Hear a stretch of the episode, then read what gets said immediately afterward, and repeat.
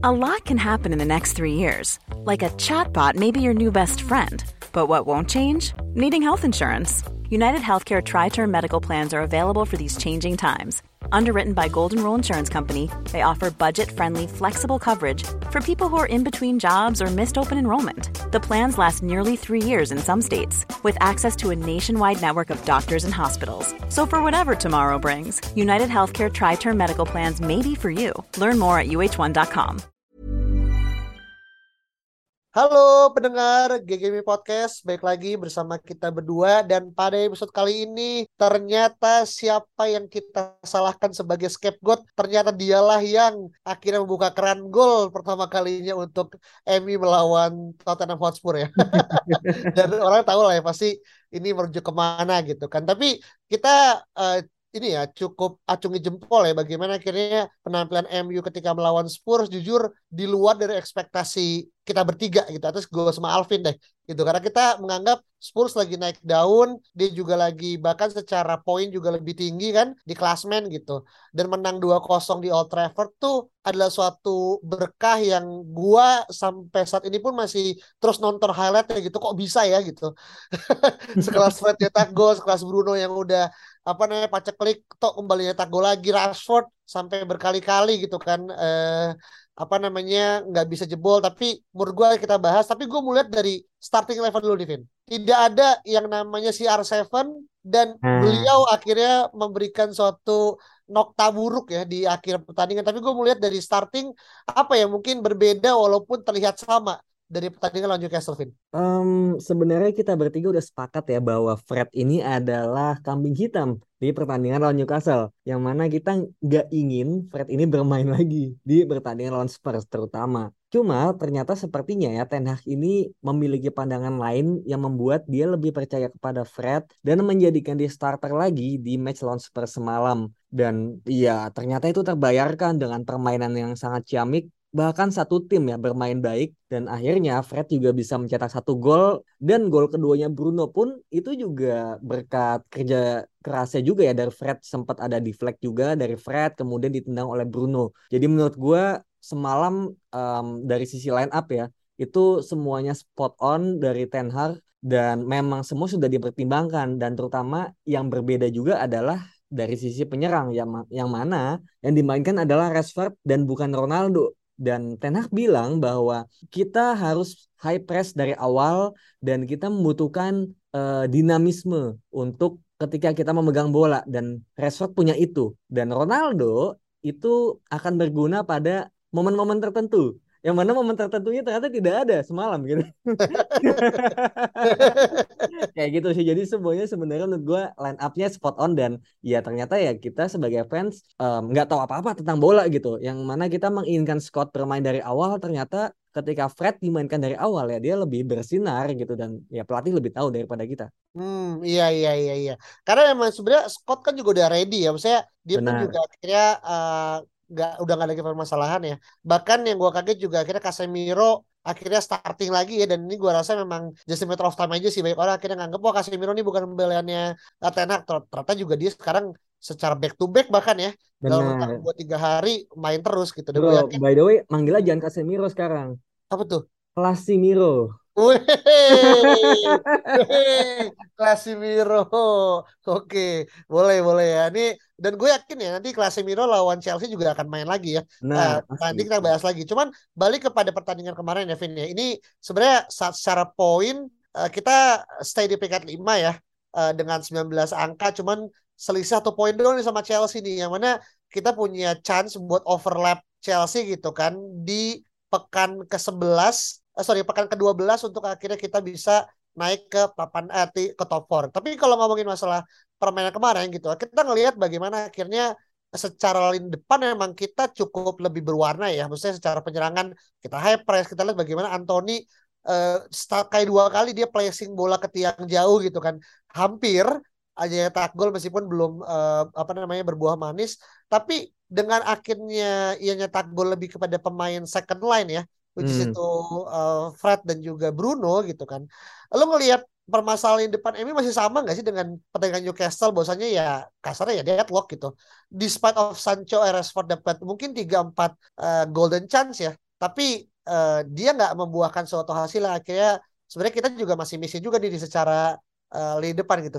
Gimana menurut lu? Um, ya itu benar juga sih di mana kita memang mentok di sana kita udah bisa build up progresi serangan dari gelandang ke EM-nya ya yaitu Bruno Fernandes. Cuma masalah um, pada akhirnya ya change change creation itu udah lumayan banyak ya kemarin gitu kan. Meskipun di lawan Newcastle itu change creationnya belum nggak sebanyak itu. Cuma masalah yang sangat ketara adalah ya bagaimana kita nggak bisa finishing gitu.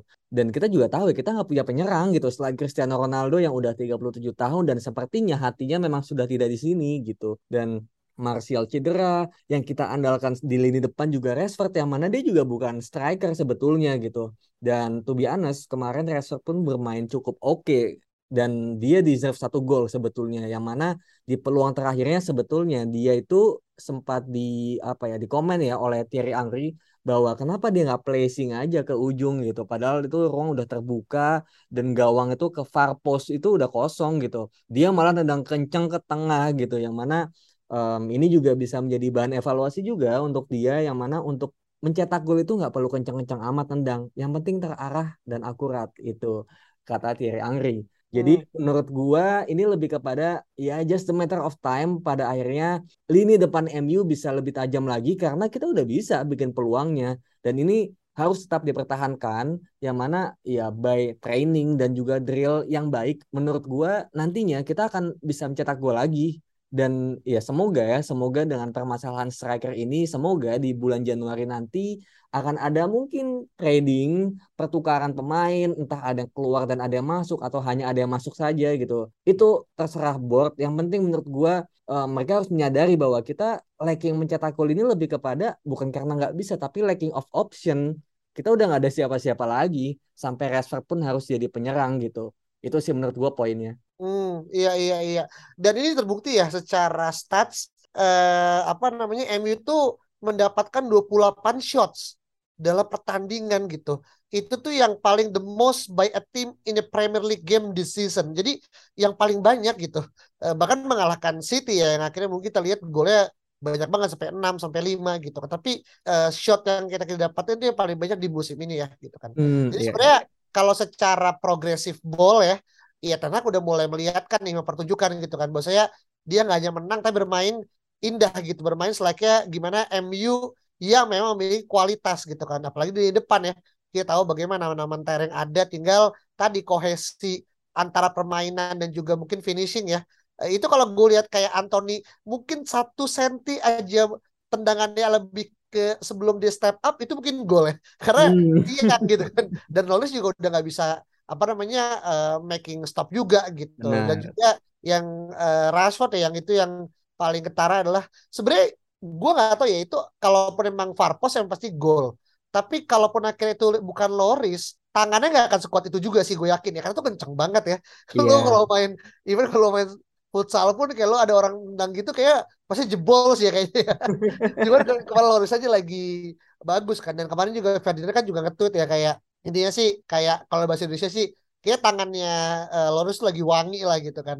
Dan akhirnya uh, Rashford pun juga kayak ya bercanda lah gitu kayak oh iya kayak gue harus dapetnya satu sih. Tapi ya udah gitu kan. Indian uh, eh, teams against player ya uh, di mana akhirnya kemenangan ini akan mengantarkan MU jauh lebih dekat dengan papan atas terutama empat besar gitu karena apalagi sekarang uh, masih bertengger manis ya Arsenal di peringkat satu gitu kan. Kita perlu untuk akhirnya supaya ngekat gap ini. Nah speaking about players above team gitu kan. Gue nggak tahu ya karena mungkin daya tariknya pemain ini kan juga memiliki on and off pitch apa namanya uh, apa ya bisa bilang ya stunning uh, apa ya highlight lah gitu. Bagaimana ini dia akan jadi semacam one of the big big, big uh, players gitu kan dalam suatu tim. Itu adalah Ronaldo yang katanya ya dan ini udah dilansir beberapa orang bahkan Fabrizio pun juga nge-tweet dia tuh bakal udah meninggalin pitch di menit ke 80 atau 89 ya.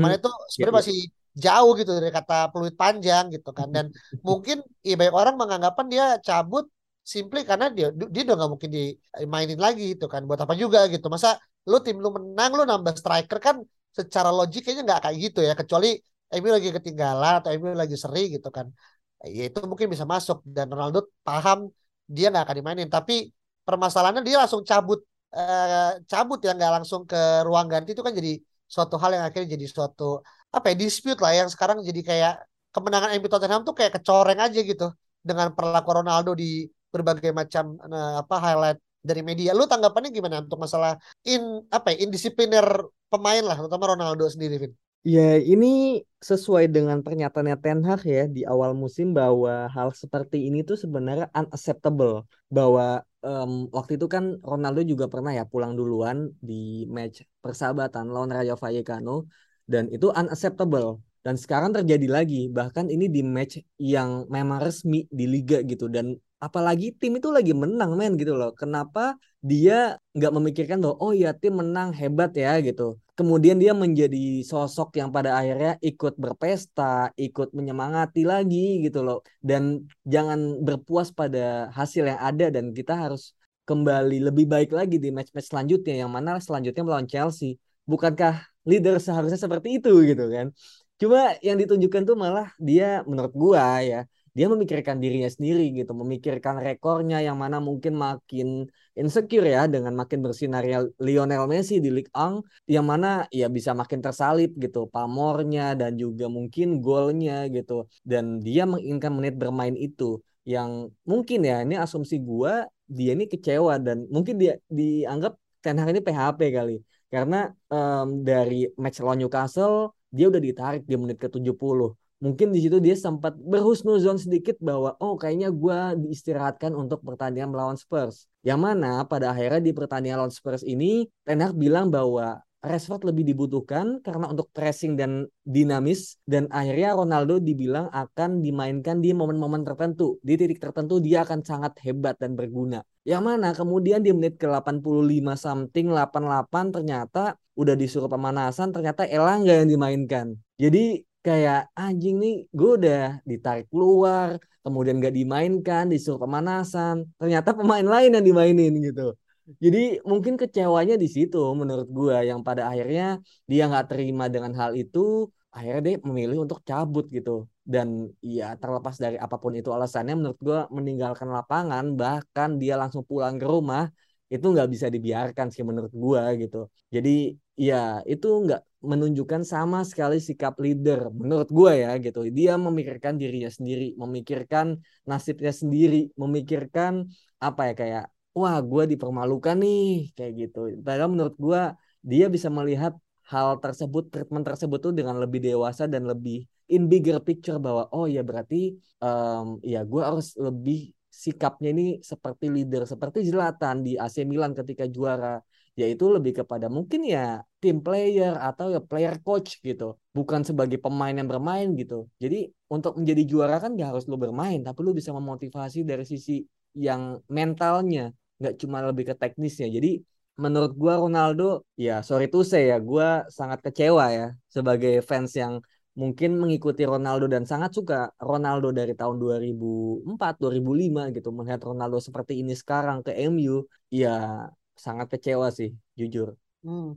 Iya dan ini juga akhirnya disampaikan sama berbagai macam fans ya dan beberapa juga yang bahkan fandomnya Ronaldo juga kan yang akhirnya menyampaikan secara uh, apa ya secara sedih gitu. Bahkan yang paling parah tuh adalah uh, Peter Schmeichel ya yang dia ngebuat suatu statement gitu kan. Dia uh, sangat jarang bahkan mengomentari Ronaldo dan baru kali ini dia akhirnya uh, merasa tidak puas gitu dengan penampilannya Ronaldo gitu ketika emang dia berseragam Manchester United gitu kan.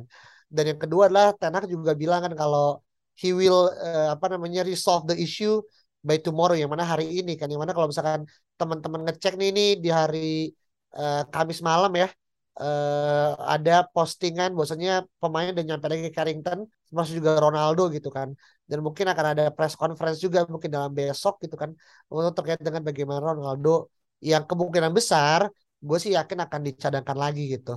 Karena simply ya lawannya juga apa namanya Big Four gitu kan.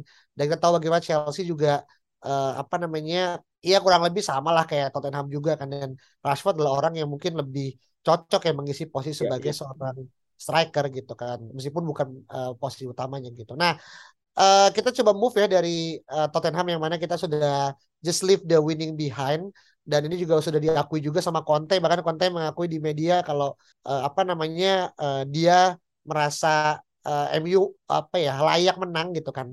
Dan Ten Hag pun juga merasa ya dia uh, apa ya uh, bahagia ya dengan penampilan uh, anak asuhnya gitu kan dan kita sebagai fans pun juga pasti senang ya dengan kemenangan tiga poin melawan uh, rival gitu kan. Nah sekarang gitu kan kita akan lompat ke dalam hari Sabtu ya di mana di jam 11 malam ya kita akan melawan 11 waktu Indonesia OIB kita akan melawan Chelsea di Stamford Bridge gitu kan. Di mana ini juga pertemuan pertama ya untuk hmm. Ten Hag melawan uh, siapa namanya? Potter. Potter, Potter benar gitu. Yang mana ini yang mungkin akan menjadi record baru ya karena uh, siapa namanya Ten Hag di musim ini kan secara liga kan baru kalah sama Pep ya. Lainnya kan menang gitu kan lawan uh, Klopp menang, lawan Arteta menang, lawan Conte menang gitu. Nah ini juga mencari petuah gitu. Sayangnya memang uh, tidak bisa dipungkiri Chelsea musim ini setelah ditinggalkan uh, siapa namanya uh, siapa namanya lupa gue. Jadi Chelsea Tuchel itu juga lagi cukup baik ya. Meskipun juga kalau kata Coach Justin mencari formula 3 back 4 back gitu kan. Tapi diuntungkan karena pas midweek kemarin gitu kan. Dia seri ya lawan uh, Brentford dan sekali lagi penampilan Kepa ini bisa jadi batu jegalan juga nih Vin kayak nah, Loris nih. Iya. nah lu gimana menanggapi besok nih akhirnya kita persiapan lawan Stamford Bridge apakah akan semakin mengukuhkan kita akan mengambil empat besar atau justru sebaliknya? Ya, jujur ya Chelsea ini masih sulit untuk ditebak ya permainannya dan juga line up-nya seperti apa. Karena memang Potter ini masih mencoba-coba membongkar pasang squadnya dari tiga back, empat back dan juga belum menemukan komposisi terbaiknya. Dan ya itu wajar banget karena baru masuk di awal-awal, udah lewat uh, pramusim juga, jadi nggak sempat dia untuk uh, apa ya memakamkan lah squadnya itu seperti apa seharusnya. Jadi ya mungkin beberapa pemain aja udah pasti main seperti Kepa, Bali, Thiago Silva, kemudian Jorginho di tengah dan depan Auba dan Sterling Mount itu menurut gue udah pasti gitu. Cuma beberapa mungkin di back line-nya ya itu masih agak sulit untuk ditebak. Mungkin Aspi akan di kanan, kemudian kirinya Kukurea 4-3-3 atau 3-4-3 jujur gue nggak akan tahu gitu. Kemungkinan mungkin bakal bermain 3 back ya untuk uh, lebih compact dan juga lebih safe di belakang at least uh, baseline-nya itu lebih kokoh daripada empat back gitu. Jadi menurut gue masih belum tahu seperti apa. Yang mana menurut gue ya ini sangat seru ya pertandingan akan sangat seru karena gue yakin Ten Hag ini bukanlah tipe yang reaktif gitu. Dia akan mencoba proaktif bermainnya. Bahkan lawan City juga proaktif. Yang penting gelandang tengah ini juga menurut gue MU harus sangat berhati-hati gitu. Jangan sampai seperti melawan City kita sangat mudah dieliminasi lini tengahnya. Yang mana menurut gue selama ada si Miro ini seharusnya ya seharusnya lini tengah kita tuh jauh lebih aman daripada sebelumnya gitu jadi um, squad lawan Spurs menurut gua akan dipertahankan dengan mungkin satu pergantian yaitu Fred dan juga Erikson itu akan bertukar uh, peran ya yaitu Erikson akan bermain dan Fred akan di cadangan menurut gua lawan Chelsea akan seperti itu. Hmm, I see, I see. Oke, okay, nah ini memang sebenarnya real apa ya? Mungkin uh, ini kan juga menjelang ini ya Hamin mungkin semingguan lebih sedikit lah ya sebelum akhirnya Piala Dunia dimulai di bulan November kan.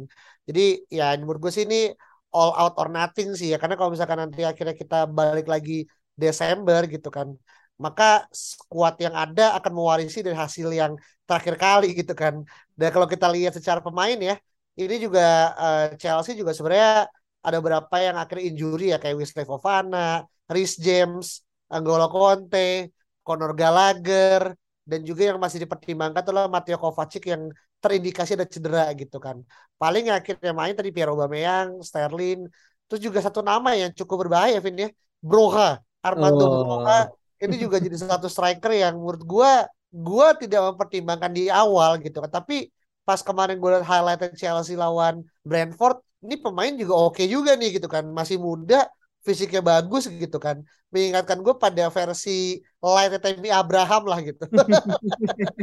Lalu ada catatan gak nih untuk uh, Pierre Amando Broha yang kemarin sempat di slap berapa 30 juta pound saya kalau nggak salah ya. Tapi ditolak sama Chelsea kan untuk kalau nggak salah ada pem, pem, apa klub Premier League yang akhirnya tentang sama mereka kalau nggak Sunderland tapi sama Chelsea dipertahankan gitu. Nah lo hmm. ada nggak poin untuk uh, Broha sendiri gitu? Uh, eh, gue sejujurnya nggak pernah lihat dia main ya. Jadinya gue mungkin nggak ada komentar khusus dan dan gue juga mungkin eh, nggak uh, begitu yakin dia akan bermain melawan MU yang mana ya, ya pasti Auba kemudian Sterling dan Mount itu yang akan bermain dari awal. Dan kalaupun nanti ada diganti lebih kepada Christian Pulisic atau Kai Havertz yang akan menggantikan gitu. Jadi ya Armando Broha ini atau Broya ya gue nggak tahu gimana cara bacanya gitu. Ya dia belum akan bermain sih melawan MU menurut gue gitu. Kemarin ketika lawan Brentford lebih kepada memang uh, rotasi pemain aja gitu. Kan udah kemarin lawan apa gitu lawan Villa kemudian nanti bakal melawan MU gitu. Dan mungkin dia lebih apa ya Potter masih ingin mencoba-coba dan juga ya mumpung lawannya Brentford gitu kan. Jadi bisa si pemain baru itu sih siapa namanya? Cuk Cuk itu kan? Cuk Wamenka oh Cuk Wesen dari Aston Villa ya? Iya itu juga dimainkan juga kan gitu pada akhirnya. Jadi menurut gua uh, kemarin lebih kepada memang rotasi aja dan nantinya sih dia nggak akan bermain sih menurut gua. I see I see.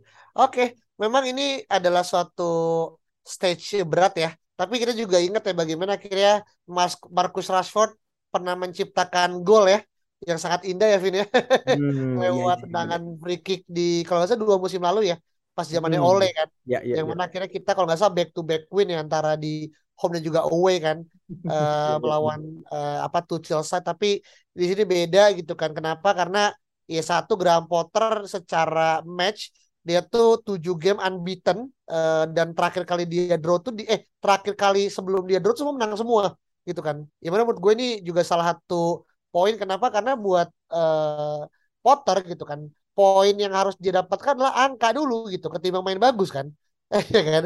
Ini kan hmm. kan akhirnya jadi salah satu uh, apa namanya juga nanti pun mungkin Potter akan bersikap apa namanya ya mungkin ya kalau kita menguasai di tengah ya mungkin reaktif juga gitu kan dan akhirnya mencoba akhirnya bagaimana melihat situasi jauh lebih uh, apa namanya menguntungkan buat Chelsea. Tapi kalau akhirnya secara apa ya mungkin terakhir kali ya, secara permainan ataupun secara hal yang perlu diwaspadai gitu kan dari uh, eh, MU ketemu Chelsea gitu kan kalau berkaca dari pertandingan kemarin ada nggak mungkin hal yang mungkin perlu kita lebih compact atau lebih perbaiki secara struktur Kalau yang gue lihat pastinya ya Chelsea dan MU ini berdua akan sama-sama bermain proaktif. Jadi menurut gue ya nggak akan ada reaktif gitu karena mungkin mungkin gue tadi beda pendapat sama lo ya. ya. Kalau menurut lo uh, Potter akan mementingkan angka, kalau menurut gue lebih kepada ya Potter ingin membangun basisnya dulu di sini sama kayak MU gitu. Meskipun kemarin kita juga semua memprediksi bahwa MU lawan Spurs bakal lebih reaktif karena pemainnya Fred gitu. Tapi ternyata Ten Hag ini nggak peduli sama itu gitu. Dia lebih mementingkan long term dan juga bagaimana struktur ini harus tetap dijalankan bagi siapa pun lawannya gitu. Jadi mau pemainnya Fred atau lawannya City, lu tetap akan bermain seperti itu gitu. Karena ya apa ya prinsipnya itu memang seperti itu, prinsipal permainannya seperti itu. Jadi menurut gua Potter dan Ten Hag ini memiliki apa ya kayak uh, idealisme yang sama untuk menjalankan prinsipnya siapa pun lawannya jadi nantinya ya menurut gue akan menjadi tactical battle yang sangat seru untuk ditonton gitu. Dan kalau misalnya lu tanya siapa pemain yang diwaspadai, ya gue ada dua sih. Yang pertama Kepa itu sendiri yang lagi cukup bagus permainannya. Lawan Villa dia banyak saves, gue juga sempat lihat highlightnya. Dan yang kedua, gue lebih khawatir juga kepada Raheem Sterling sih. Yang mana ya dia pasti licin kan. Dan menurut gue dia akan diberikan sedikit free roll dan jangan sampai nanti pemain-pemain MU ini sedikit terpeleset gitu. Dalam tanda kutip melihat dia ke mana ke sana sini gitu. Pada akhirnya ya akan ada space yang terbuka dan dimanfaatkan oleh pemain lainnya. Seperti Mount ataupun mungkin ya Aubameyang. Jadi dua hmm. pemain ini menurut gua dua pemainnya harus diwaspadai oleh MU Kepa dan hmm. juga Sterling. I see I see. Uh, ini sebenarnya uh, mem apa ya, membangkitkan lagi nama Kepa tuh sebenarnya nggak dalam agenda kita ya sebenarnya. sebenarnya kalau Aubameyang atau Sterling itu masih make sense. Cuman Kepa memang gue nggak tahu uh, apa yang terjadi ya setelah uh, bahkan gue nggak tahu ya kapan momennya Kepa menggantikan Mendy ya. Karena kan Mendy kan yang akhirnya digadang-gadang akan menjadi number one. Karena sekarang semenjak kejadian kemarin pas Chelsea menang satu kosong ya lawan Aston Villa atau dua kosong ya. Itu kan jadi salah satu kayak momen titik balik buat Kepa dan mungkin dia akan terus mempertahankan uh, posisi dia sebagai seorang number one Chelsea goalkeeper goalkeeper gitu. Tapi kalau kita ngomongin statistik ya secara terakhir juga dari total berapa ya seratusan lebih pertandingan MU Chelsea Chelsea menang 55 draw 55 MU menang 81 jadi kalau secara sejarah ya tetap kita memiliki catatan yang bagus ya. Tapi kan itu kan adalah gambaran dari uh, musim-musim sebelumnya dan sekarang adalah musim baru. Dan kita menantikan bagaimana kita Ten Hag yang sudah firm ya ajak dengan apa yang dipilih bisa kembali membuktikan kalau taktikal masa kelasnya itu membuahkan hasil optimal. Meskipun di kandang lawan tapi kita bisa tetap mencuri poin. Entah tiga entah satu we'll see. Tapi teman-teman sekali lagi kalau teman-teman punya pendapat berbeda dengan apa yang gue sama Alvin sampaikan silahkan taruh opini teman-teman di Twitter kita at GGMU Podcast dan juga jangan lupa untuk kasih bintang 5 di Spotify kita di GGMU Podcast juga. Thank you so much. Kita ketemu lagi pada episode berikut ya. Bye-bye.